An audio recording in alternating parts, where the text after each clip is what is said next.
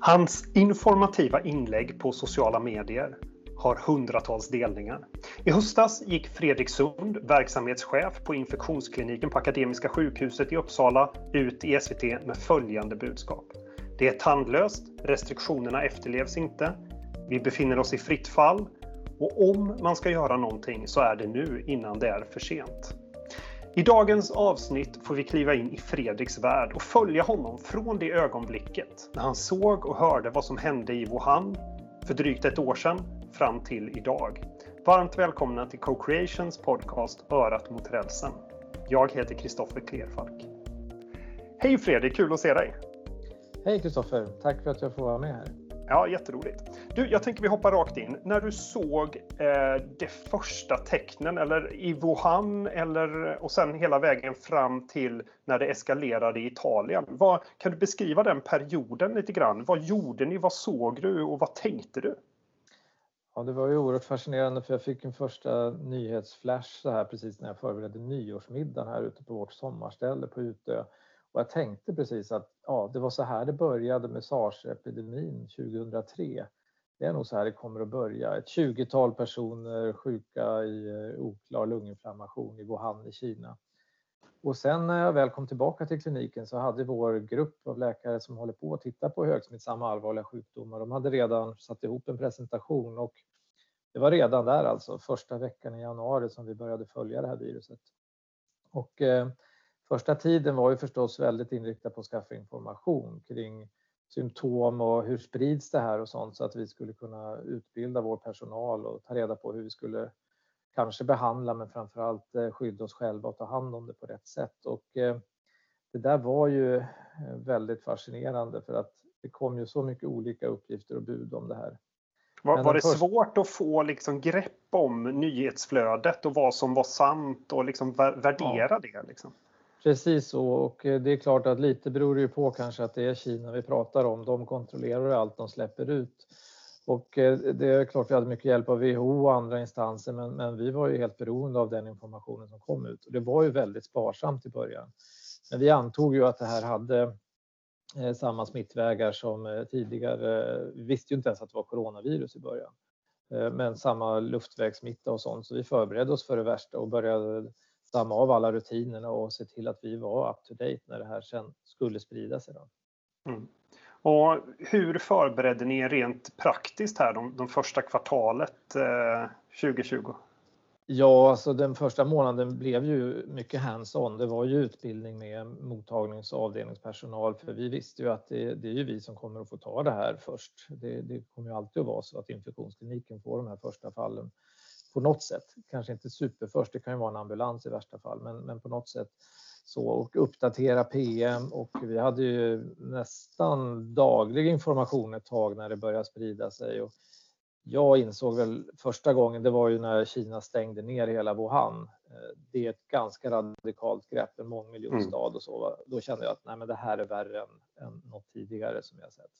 Fanns det någon gång här i tidigt skede som ni tänkte att det kanske stannar där? De kanske lyckas begränsa det? Eller? Eh, det fanns väl kanske en förhoppning i alla fall, men, men så fort vi såg att det hade rört på sig lite grann, då insåg vi ju precis som som vid SARS då att ja, men det här är ju, det är ju med flyg och alltihop. Det här kommer att, att, gå fort. Det är bara frågan om vi hinner stoppa det när det landar ute i världen som man ju lyckades med SARS i Kanada och i första hand förut. Eh, och sen så rullade det på under våren och eh, som, som, som tur var fick fick det en, eh, liksom en, en trendbrott inför sommaren och så gick det ner. Eh, och kan du beskriva lite grann alltså, arbetsbördan här och hur var det att leda i den typen av ansträngd krissituation? Ehm, ja, det var ju, det var ju förstås eh, väldigt mycket kaosliknande stämning som spred ut sig över sjukhuset och Sverige. Allt vad det. De här rapporterna från Italien först med att folk dog som flugor på intensivvården skapade ju en del eh, rädsla i alla fall. Va? Men när vi väl drog igång då var det liksom både adrenalin och förväntan och spänning och, och lite oro som, som blandades. Och under mars-april där så gick det väldigt fort. Mm. Det ramlade in patienter som var väldigt dåliga Vi hade ju inte riktigt förstått hela sjukdomsförloppet, det här med att man inte kände av att man var så dålig när man var hemma egentligen, utan att det sen bara sa pang och kom in. Och det där var ju, det, så brukar jag inte bete sig riktigt, va? att man brukar känna sig sjuk i vanliga lunginflammationer, på, då känner man ju syrebristen och det här på ett annat sätt. Det här var ju happy hypoxia, liksom, att man, man kunde klara sig ganska bra i vila. Bara man låg still och vilade så kunde man ligga där rätt bra tills man nästan höll på att dö så fort man ställde sig upp. Det är lite som njurfunktion, att man klarar sig rätt bra men sen finns det en cut-off-gräns när du bara har några procent kvar och då är du rökt. Liksom. Ja, det var lite annorlunda på det viset eh, till skillnad från vanliga lunginflammationer. Men eh, vi lärde oss ju mycket också under, under våren och det var ju det här med tromboembolier och proppar och sånt och att, att vi skulle ge blodförtunnande medel och det. det. Det var ju successivt så lärde vi oss mer och mer hur vi skulle handskas med det här.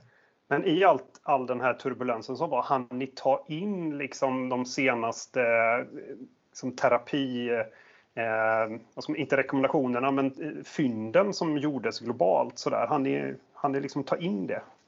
Det var ju väldigt eh, kaotiskt som sagt och det var ju väldigt mycket information som kom på olika sätt. Va? Och det var ju väldigt lite som verkligen värderat utan här kom det ju högt och lågt. Va? Det här har jag hört, ska vi göra det här? Det här, det här har jag sett en studie på. Ja, eller studie, det var i alla fall ett pressmeddelande och sen så här fortsatte det, slog ner. Och just det där att sålla bland allt det här var ju, var ju väldigt viktigt. Men vi har ju, vi har ju nätverk med infektionsläkare och vi verksamhetschefer har ju haft eh, liksom nästan veckoliga möten och stämt av.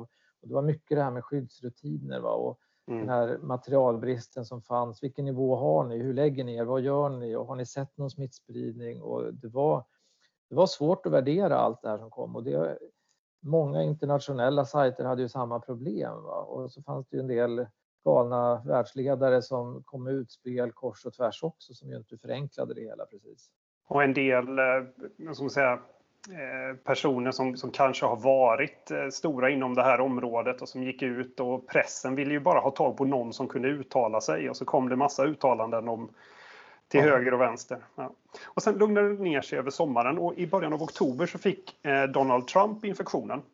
Ja. Och jag måste passa på att fråga dig nu när jag har en kliniker här framför mig. Hur hjälpt var det att ge honom Regeneron som är en cocktail av monoklonala antikroppar? Alltså han kommer in där, ja. han har ju en, en somatik liksom med övervikt. Eh, han är ju rätt gammal och, och väldigt många sådana här ja, parametrar. Hur, hur djärvt är det att bara dundra på så? Jag tror att det där var väldigt djärvt, det kan jag säga. Och det är ju inte något som, som vem som helst hade fått. Och jag tror ju säkert att, att han själv spelade en stor roll i det här och sa att jag vill ha allt. Jag tror att han var livrädd ja. Eh, för det här, fast han inte liksom ville visa det på något sätt. För att, att ge en sån här experimentell behandling med den här typen av, av medicin, det eh, vill man gärna ha lite mer på fötterna på. Eh, sen kan inte jag säga säkert exakt hur långt och vad de visste som, som stod för den här cocktailen. Och det kanske fanns data som man inte hade koll på som ändå tippade över att det här är värt det. Eller vad han hade för egentligen kliniska parametrar, hur sjuk han var. Det, det finns ju lite sånt där som inte, som inte vet. Men jag tycker det här var otroligt eh, djärvt. Mm. Ja, det var spännande att höra. Eh, sen lite senare så sprang du och jag på varandra i höstas och då såg du liksom, det var precis när du såg andra vågen komma. Eh, mm. och jag minns att, att vi, vi gjorde liknelsen av ett godståg som liksom skenar iväg, tungt lastat och bara går. Och även om man slår på bromsarna nu så rullar det på. Kan du beskriva lite den känslan där, som, som du hade när vi diskuterade det, att nu, mm. nu, nu bara kommer det. Liksom. Ja, det är ju så att det första man ser är ju i samhället en, en, en smittspridning och vi hade ju börjat testa mycket mer nu under sommaren och hade ju en bra apparat för att få snabba svar. Eh, eller hyfsat snabba svar då, nu är de betydligt snabbare. Men, men man såg ju då snabbt att den här smittspridningen i samhället ökade va, och var uppe på helt andra värden. Hade sett. Vi hade legat runt 1% av alla som testade sig som positiva under sommaren och nu var det uppe i 10-15 procent. Och det där, det, det är ju som en tidsinställd bom, som du säger, för att när man blir sjuk så går det ju liksom en, två veckor tills man blir svårt sjuk. Så det var ju bara och det var en naturlag som vi såg utspela sig framför oss där när vi insåg att shit, det här kommer ju, det kommer massor med folk snart. Och vi drog ju snöret ganska snabbt och försökte ju dessutom att få få stopp på det här tåget lite grann. Eh, men det var ju många som tyckte att det var bara studenter i Uppsala så att det var väl inte så mycket att bråka om. Det kommer att bli begränsade utbrott i Sverige. Men vi såg ju ganska snart också att det började röra på sig i Västra Götaland och Stockholm och det var då jag eh, verkligen insåg att det här kommer ju inte att gå bra eh, och försökte få till någon slags eh, skarpare rekommendationer eller framförallt en, en tydlighet i, i rekommendationerna som ju som jag tycker helt saknades i början på hösten. Och det, och det var ju i princip den rösten som, som var lite säga, skarp att våga säga att jag ser, vi ser det här hända och det finns möjlighet nu att göra någonting åt det. Och det var ju, det har ju gått, har ju liksom, att tycka saker i, i den här materian har ju varit rätt eh, känsligt och så. Fick du några reaktioner på ditt budskap då när du var med rätt mycket i media i november? Ja, det blev ju väldigt eh, hektiskt där och det var väl framförallt också eftersom Uppsala ju råkade vara först eh, ut med andra vågen och med den volymen vi fick. Då. Sen blev vi ju snabbt omsprungna av Göteborg och Stockholm, men det är klart att jag fick mycket synpunkter och jag visste ju också att det, det här är ju svårt. Va? Det är ju inte så lätt som det kanske är i andra länder. Vi hade ju inget lagrum för de här sakerna och, och, och kalla det för nedstängning och något. Det jag mest var frustrerad över, det var ju ändå att kommunikationen såg likadan ut och hade sett likadan ut hela året. Va? Ja, vi håller avstånd alltihopa, men vi nådde ju inte fram. Och då kände jag att det var viktigt att skicka några signaler på något sätt. Och det, där tycker jag ju att, eh, att eh, Folkhälsomyndigheten kunde ha varit tydligare. Jag, jag, tycker i sig finns det ju saker man kan tycka om dem, men, men de har ju sagt jag menar, rätt saker. Om alla hade följt deras rekommendationer till punkt och pricka så hade det ju troligtvis inte sett ut så här. Då hade det ju varit som en lockdown nästan, att man håller mm. avstånd. Gör man det så sprids ju inte viruset. Va? Men, men det här måste man ju då ändra när man ser att det här går inte. Vi säger samma sak och det funkar inte. Då måste vi byta strategi och kommunikation och det är väl, det är väl där jag tycker det största felet har varit. Sen är det klart att det här med att att inte rekommendera munskydd alls och sånt. Det, det, är, det är också saker, men, men det är lite som de säger att det är en tilläggsåtgärd om man inte klarar av det. Men befolkningen mm. har ju inte klarat av det så att därför skulle mm. man ha gjort det. I, I ert arbete, vad har varit annorlunda eh, första vågen i våras och andra vågen i höstas? Är det, är det någonting som, som, som skiljer och, och vad i så fall? Ja, första vågen var, det var en otrolig hjälp och, och från resten av samhället och sjukhuset och, och, få personal och vi flyttade och man hade liksom ganska vi hade en stor pool av folk och, och organisationer som vi liksom kunde flytta ut runt där det behövdes. Då. I, i nu, och sen så på nackdelen då så var det att vi inte visste egentligen någonting om hur sjukdomen betedde sig. Va?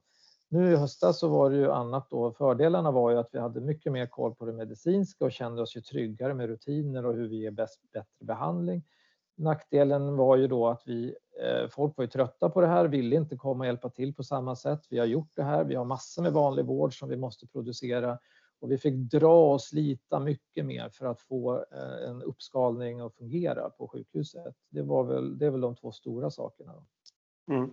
Vad, eh, har det skjuter man på respiratorvård längre fram i förloppet nu än man gjorde tidigare? Eller är det, är det någon... För när jag tittar på statistik så tycker jag mig se att det är, det är färre som ligger liksom i IVA-vård och fler som klarar sig med, med syrgas. Är det, är det bara... Eller är det en, en, har, delar du den bilden?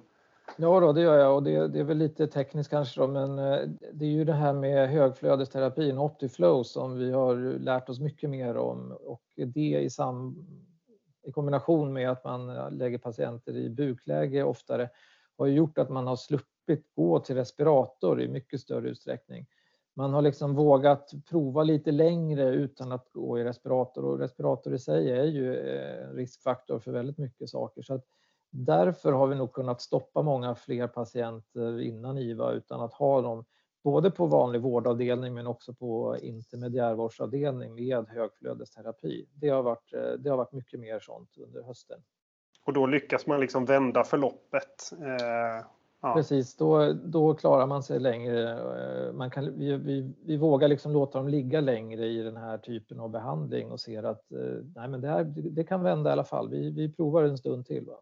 Vi, vi har sett mer gränsen och så. Har, har, patienter sökt aningens tidigare också så att de inte kommer in och är liksom i princip alltså väldigt, väldigt sjuka utan man har, man har liksom dragit i, i repet och 1177 kanske har, ja. har, har förstått allvaret tidigare och sådär. Dels det, dels testningarna. Det är många fler som kommer in och vi vet att de är positiva. Mm. De, de liksom, I anamnesen så hör man att det, ja, okay, det är covid-positiv dag 10. Liksom. Ja, så var det inte riktigt för och då, då, kan vi ju dra slutsatser på ett helt annat sätt och så kommer de även tidigare. Jag har testat mig positiv och orolig redan dag 3-4. Ja, då vet vi det också. Och sen är det klart att vi har blivit ännu mer eh, finkalibrerade med den här antikoagulantia-behandlingen. Vi vet när vi ska använda remdesivir och Dexametason har ju förstås gjort eh, underverk för också eh, de svårast sjuka. Då. Ja. Ja, det är ju häftigt här om man tittar på den liksom, medicinska biten. på ett år har vi faktiskt ett, ett gäng vacciner. Vi mm. har eh, liksom utformat terapi för de som blir svårt sjuka i covid och eh, det är ju det är häftigt hur det, hur det går att adaptera så snabbt. Jag tycker också det är lite spännande just med det här att, att vi ger olika behandling beroende på vilken dag i sjukdomen de är nästan. Och det är ju det är något man kan kanske ta lärdom av till andra ställen, men, andra sjukdomar, men just det här med att man får det här påslaget. Först så börjar vi ju försöka begränsa viremin och sen försöker vi begränsa liksom propparna och det här med, med syrgasen kommer mer och mer och då blir det ett hyperinflammatoriskt tillstånd. Då försöker vi begränsa det med kortisonet och sen kommer det här med IL-6 och så vidare. Och snart kommer ju antikropparna som ju nästan innan man blir sjuk som profylax och sen så kommer ju antiviraler också, peroraler och perorala antiviraler och sånt för de som är väldigt lindrigt sjuka tror jag. Ja, det, är häftigt som verkligen skräddarsy efter behov. Ja, ja och när i sjukdomsförloppet. Nu är det ju sportlovsveckor. Vi har flera mutationer som eh, rör sig runt i, i Sverige. Vän av ordning här nu, jag är inte epidemiolog och så vidare, men jag är apotekare. Men vän av ordning undrar ju, lärde vi oss ingenting från förra årets sportlovsveckor när vi fick en, en, en liksom ett R-värde som, som drog iväg rejält efter det? Eh, vad är din uppmaning just nu? Ja, jag tycker förstås att det är väldigt oroande och eh, just det här som du beskriver då att eh, det dyker upp lite mutationer både här och där och vi vet ju inte exakt vad de får för betydelse för både R-värden och även sjukdomssvårighet och även för minskad känslighet för vaccinationer och de antikropparna som utvecklas. Så att läget tycker jag är verkligen en väldigt svår balansgång nu och att då ja, tillåta eller att då inte vara ännu skarpare med de här reserestriktionerna för att undvika att blanda om i den här grytan som ju är väldigt osäker. Det, det är, jag tycker det är lite ansvarslöst eller att, att, ja, åt det hållet i alla fall, att man inte kan vara tydligare med att förklara att det här är olämpligt. Men det är klart, folk är jättetrötta på det här och vill ut och, och se något annat och med familjer och alltihopa. Och man har ju den här problematiken att det är klart om en familj verkligen åker, sätter sin stuga själva, åker längdskidor och bara umgås med sig själva, ja men då är det ju inga problem. Va?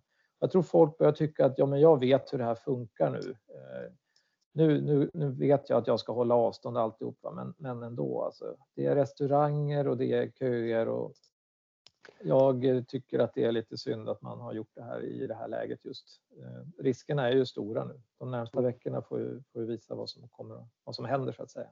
Sen har vi sett också vad en superspridare kan göra i sådana här miljöer. Alltså det, det ja. räcker ju att 2% av dem liksom gravt missköter sig i, i förfarandet och är eh, ja. nydebuterade och väldigt, väldigt eh, symptom. Eh, då, då räcker det med en eller två procent. Som, som ja.